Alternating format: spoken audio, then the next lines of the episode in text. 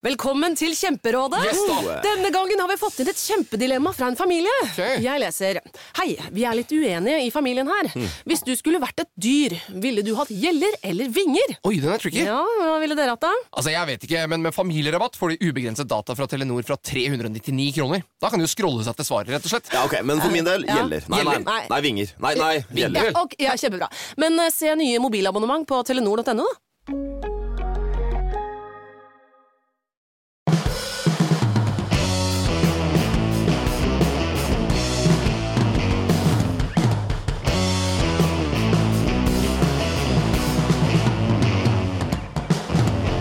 Ny uke, Petter. Hvordan har den vært så langt?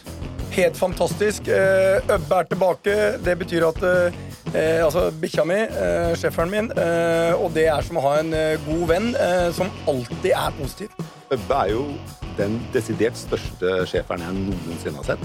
Ja, men det er langt lettere å ha en schæfer. Jeg var i Sverige nå for kort tid siden, og der eh, hørte jeg om en som hadde valgt å kjøpe en liten krokodille som et kjæledyr.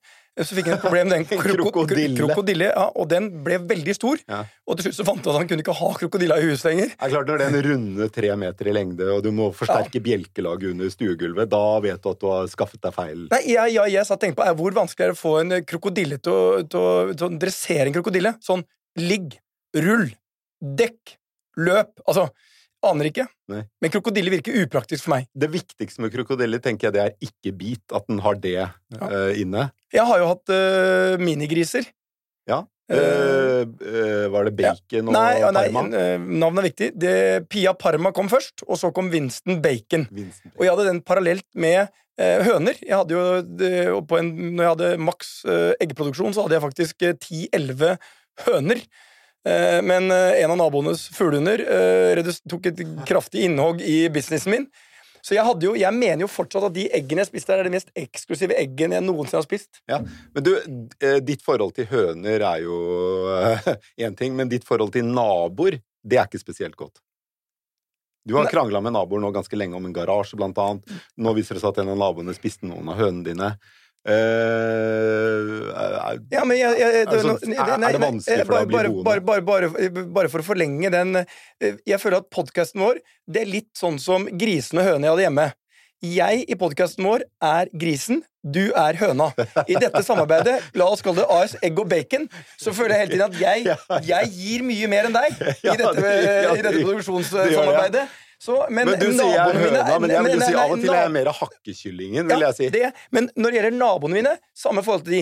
Jeg føler jeg er høna som gir litt egg, og de er, eh, føler nok at de er grisen. Ja. Men jeg garanterer når dette blir ferdig, dette lille prosjektet, som, som ikke er for så vidt mitt, eh, det er 20% av det som er mitt, resten er jo de andre naboene, så kommer det til å være eh, langt grønnere i det området, og langt finere. Du kommer ikke til å se bilene, og du kommer til å se bare en stor, fin plen. Men du, eh, Grønn, og det er Grønt er bra, og det skal vi snakke om i dag. grønt er bra, fordi eh, enten vi er da eh, høne eh, Hva var det du kalte den grisen din?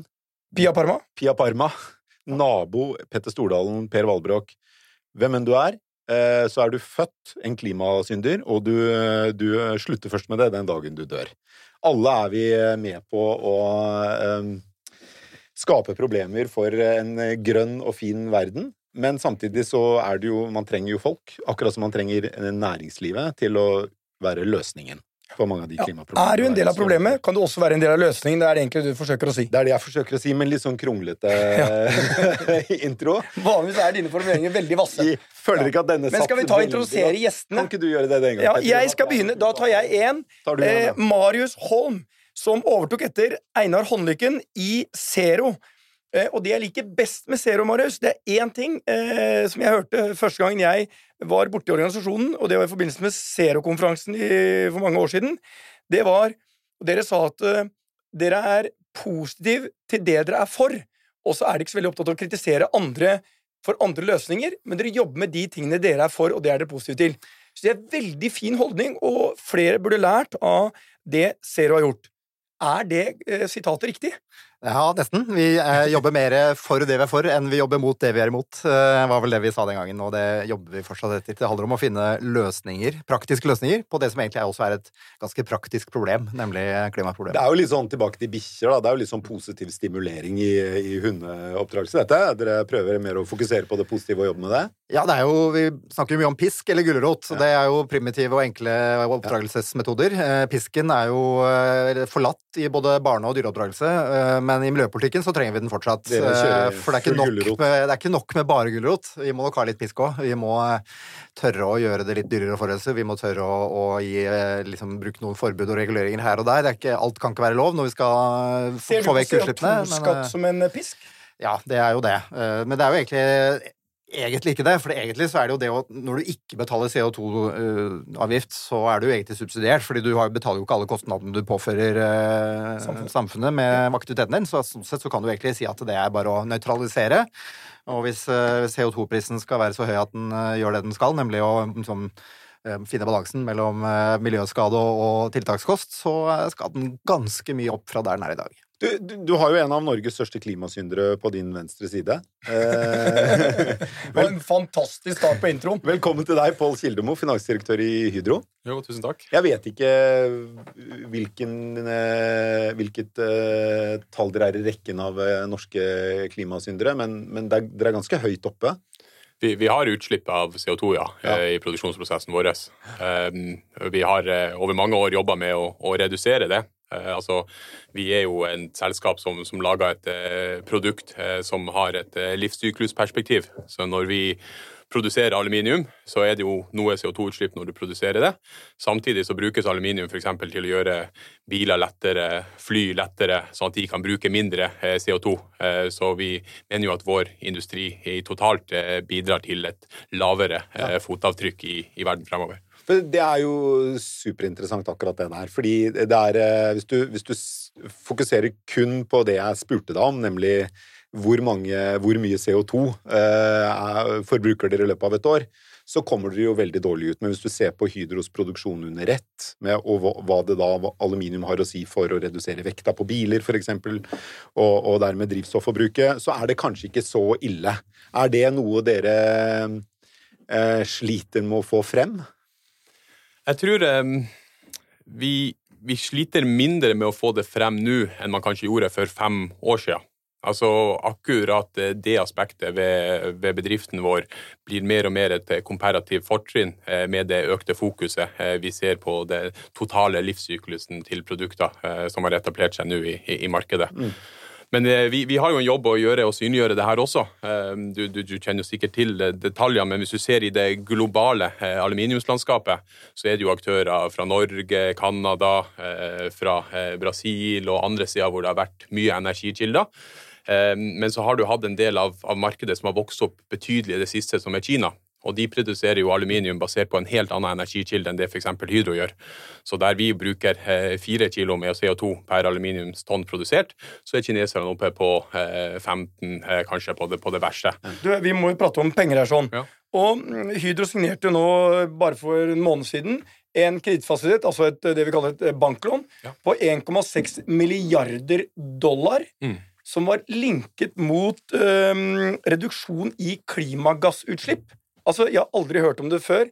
Kan du bare, for, altså, for de som lytter, så skal da renta reguleres i forhold til utslippene deres. Forstår jeg det riktig? Det er helt riktig forstått. Kan du bare forklare hva, hva, altså, hvilken bank er på motsatt side her? sånn? Hvordan er dette obligasjon... Eller hva skjer her? Nei, det, Vi ser jo en eh, bevegelse i finansmarkedene. At de har mer kapital etter hvert som er øremerka eh, til eh, bærekraftig industri, bærekraftig investering osv.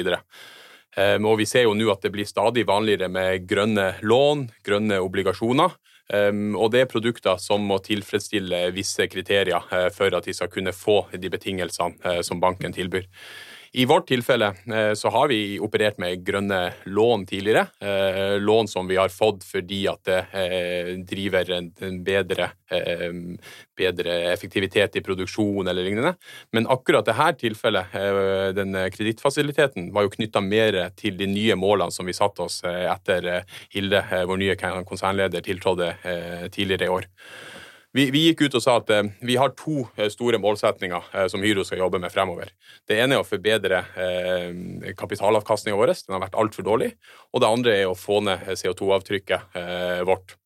Vi har redusert CO2-avtrykket med rundt 70% på de norske fabrikkene siden 1990.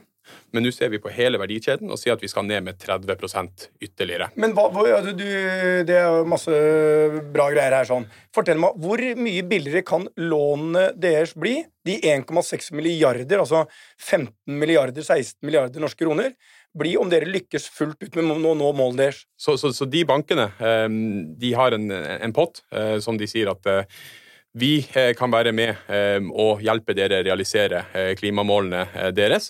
Dersom dere klarer å levere på de 30% eller det er vel egentlig 10% innen 2025, så skal vi gi dere en lavere rentekost. Det er det tallet jeg spør- Og det, det, det tallet har vi ikke annonsert, men det er en, det er en merkbar Ja, gevinst per år. vi, vi må få en Er det, er det en er det en halv prosent eller en kvarting? Det er noen basispunkter. Det er noen basispunkter. Ja, for de som lurer på det, Et basispunkt er en hundredel, altså 1 prosent er 100. Ja, ja. Eh, og, eh, så noen, men er det mer enn ti?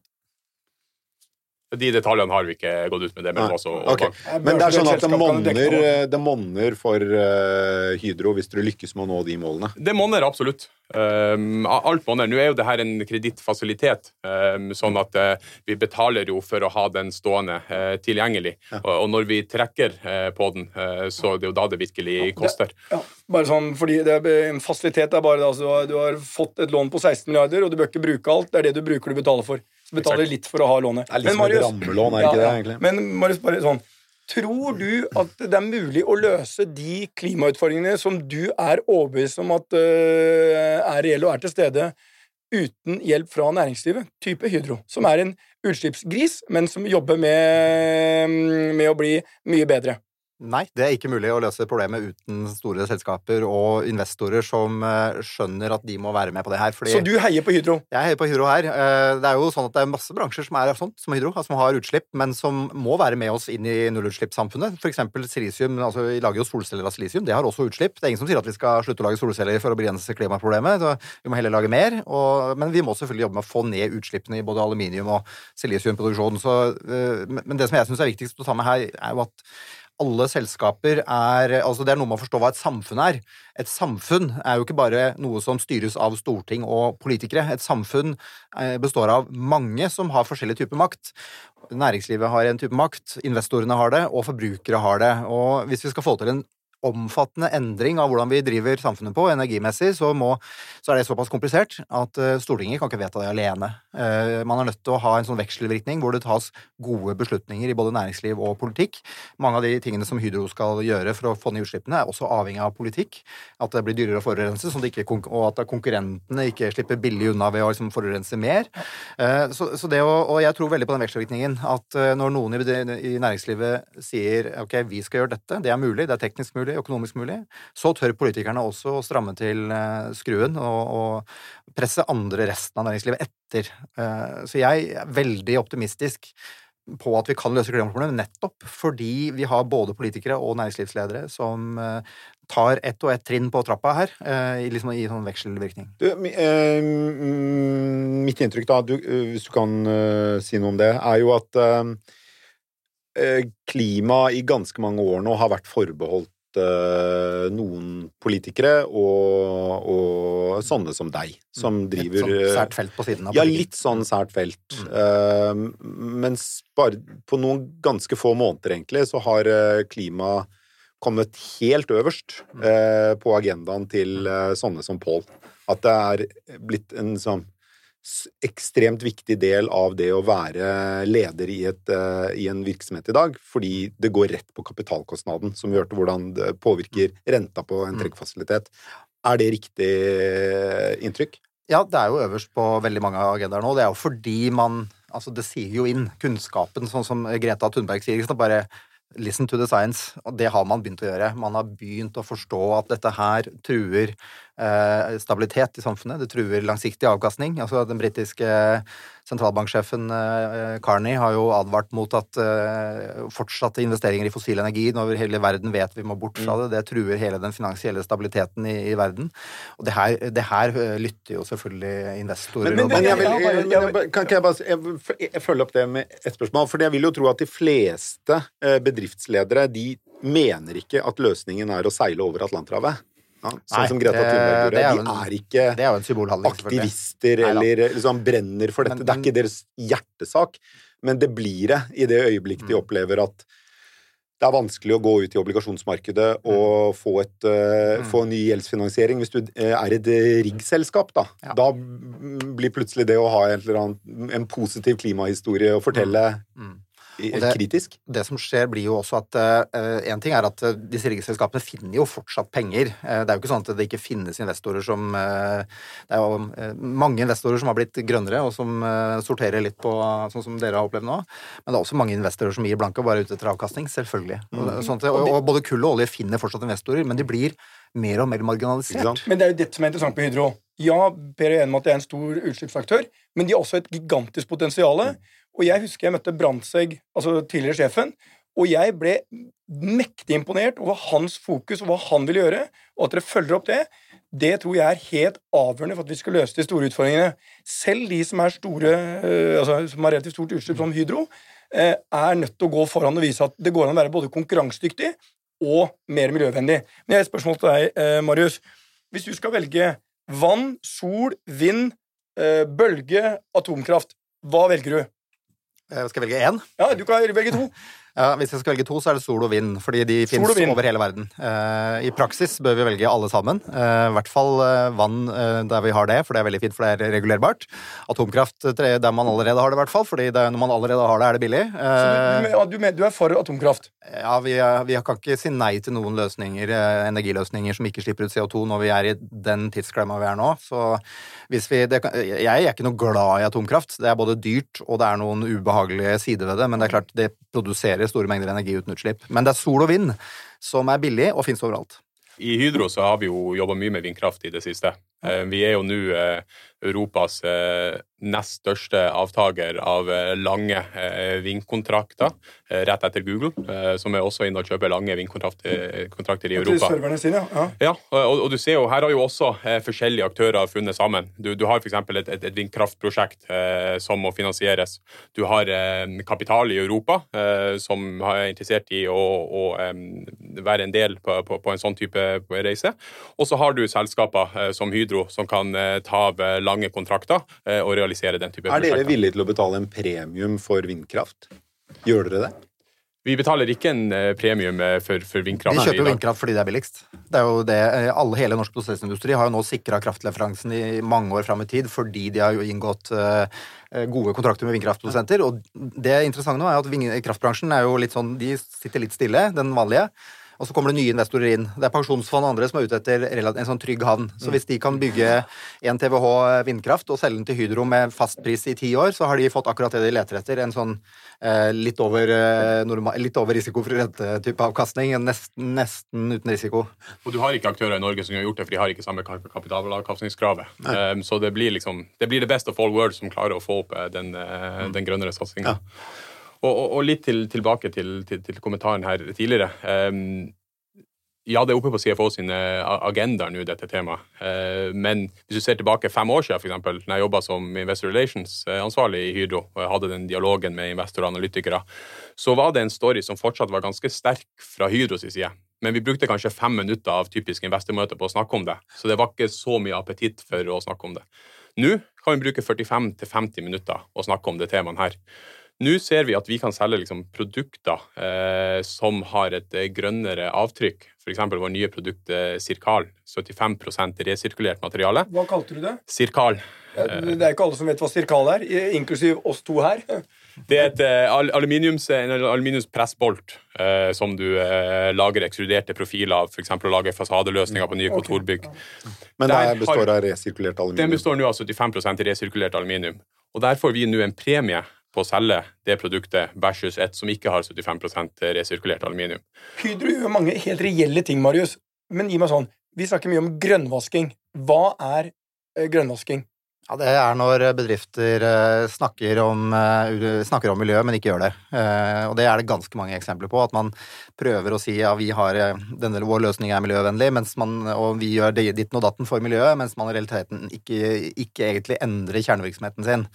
Og det, det forvirrer jo forbrukere, og det forvirrer også noen ganger politikerne. De, liksom, de går på budskap som er litt for tynne. Hvem er de største grønnvaskerne, mener du?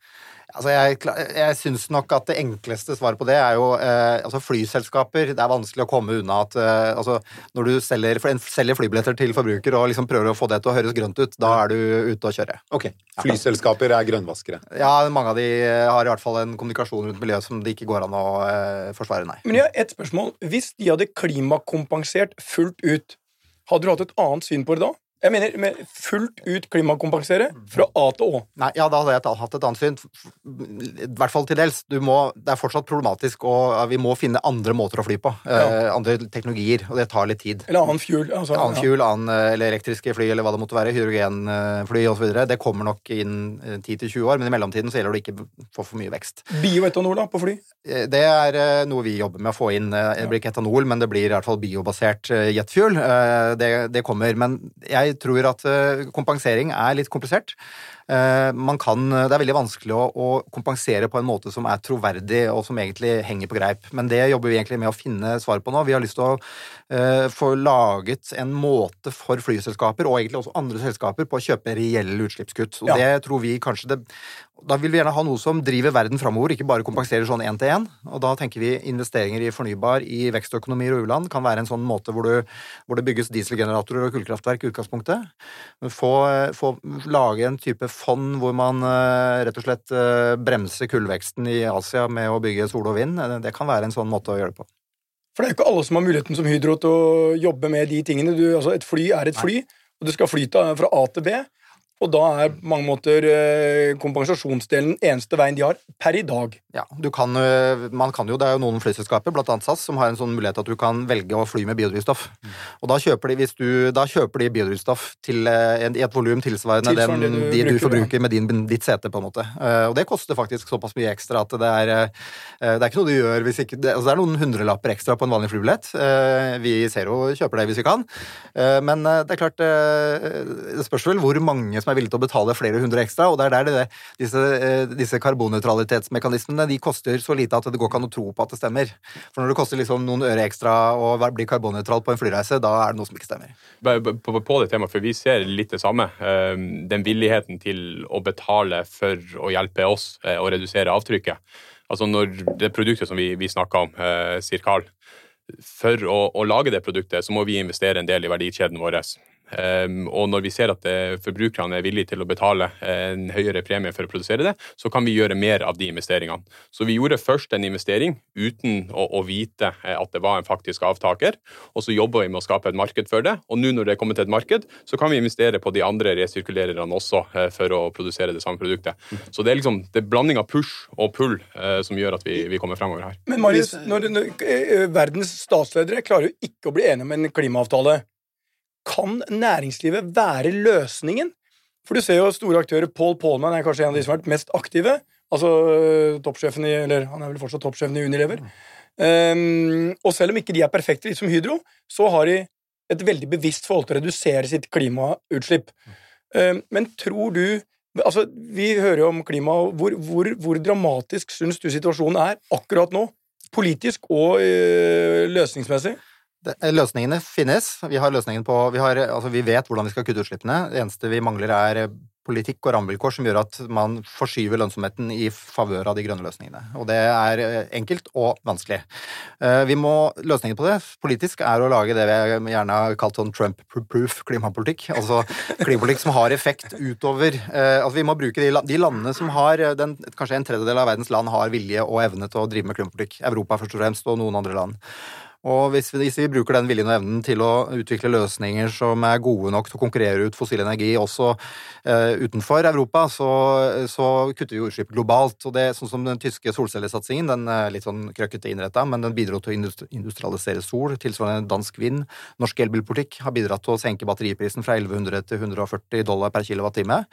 Og det fører jo til at det er et spørsmål om tid før en eh, liksom, cowboy i Texas kjører elektrisk pickup drevet av solenergi. Og da har vi lykkes. Eh, hvis, og, og Derfor så tror jeg jeg har veldig tro på å bygge markedet og, produktet cirka ikke sant? Hvis, hvis vi ønsker å liksom booste det litt, da, så, så, så bestemmer vi jo selvfølgelig da at byggeforskriftene har krav til fotavtrykk. Når du bygger et nytt hus, så er det ikke bare krav til at det skal gå til isolert, men at du skal bruke byggematerialer med lavere utslipp. Så da vil eh, markedet måtte betale litt ekstra for resirkulerte materialer og eh, vi har jo, det er jo, veldig mange av løsningene er jo industrialisering. Det handler om at løsninger som vi vet kommer til å, å bli konkurransedyktige, bare de lages i store nok volumer.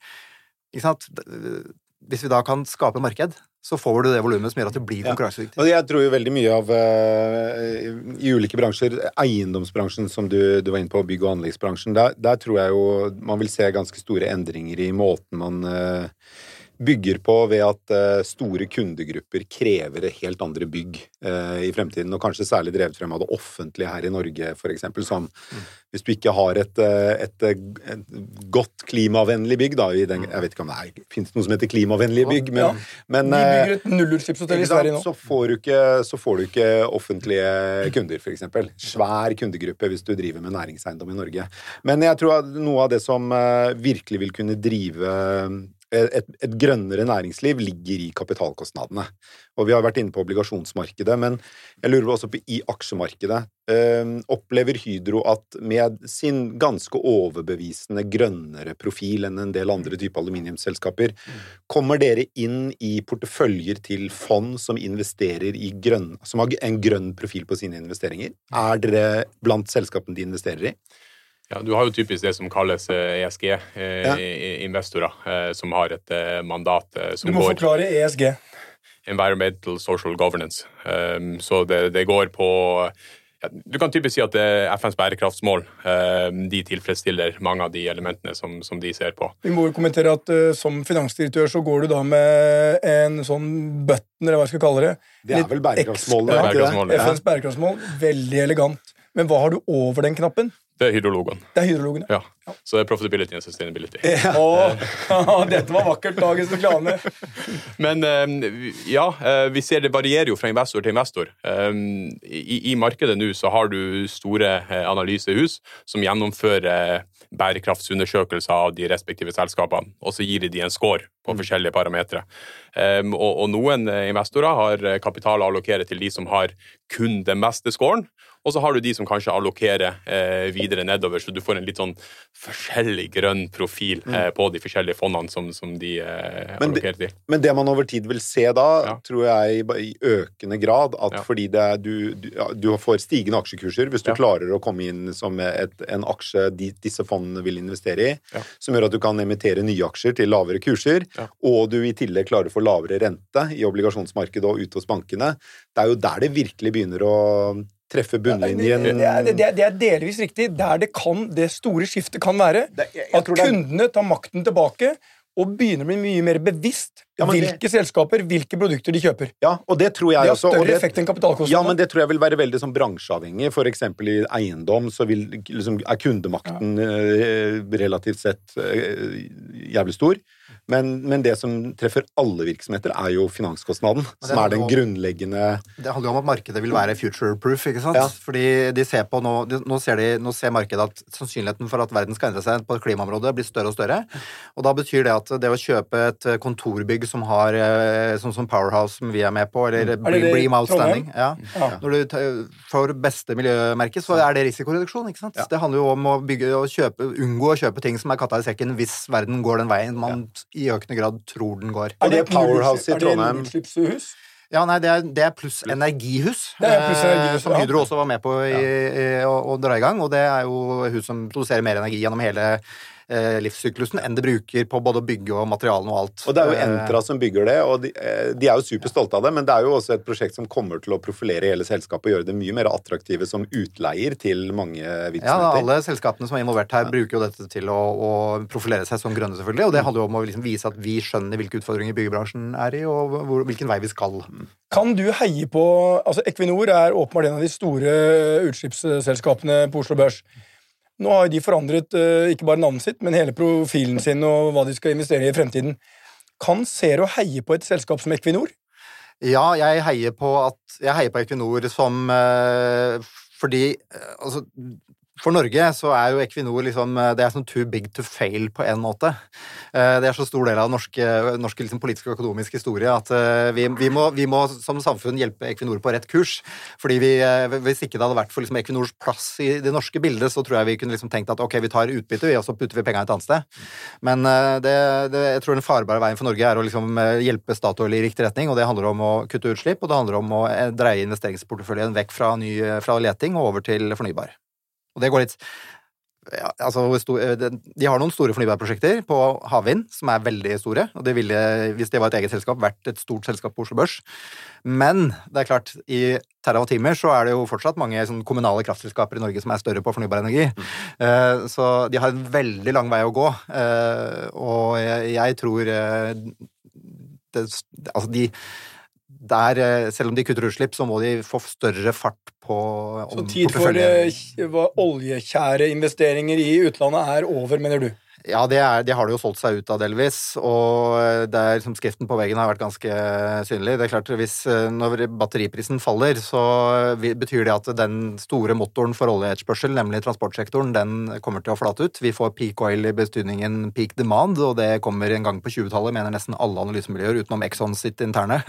så så det, det tror jeg kommer, og da, da er ikke de marginale oljefeltene lønnsomme, sannsynligvis. Da får vi lavere priser, og det er jo det som er den store frykten til alle i, her i Norge, ikke sant? At eh, vi får en smell eh, som blir, at det blir lavkonjunktur i Norge fordi oljeprisen får en varig nedtur. Du, eh, vi, vi nærmer oss slutten her, men i 2030, hvordan ser næringslivet ut da? Hva, hvis du skal liksom en snapshot på hvordan norsk Vi holder oss til Norge. Hvordan er norsk næringsliv innrettet da? Jeg tror det meste er ganske likt. Det Bransjen din, eh, Petter, kommer til å være det er- De kommer til å drive med det samme. Handel, mye, mange, mye som er som mindre endringer, men det store deler av norsk økonomi kommer til å se nesten lik ut. Den store forskjellen det er at uh, leverandørindustrien til olje og gass kommer til å ha funnet nye markeder, forhåpentligvis. Og det er jo type havvind og andre ting. Hva tror du på? Nei, Jeg støtter mye av kommentarene her. Jeg tror selskaper fortsetter på samme reisen som, som vi også er på. Eh, 30% lavere CO2-utslipp, eh, det skal vi nå eh, innen det tidspunktet. Eh, Og så tror jeg mye av vekst fremover kommer til å være i områder som er mer bærekraftige. Altså Når vi allokerer kapital fremover, så er det jo mer allokert ned mot resirkulering, ned mot eh, fornybar energi og, og ned mot eh, løsninger eh, som gir oss et bedre fotavtrykk på sikt. Og det ser vi hos andre også, fordi at kunder og investorer er villige til å betale for det.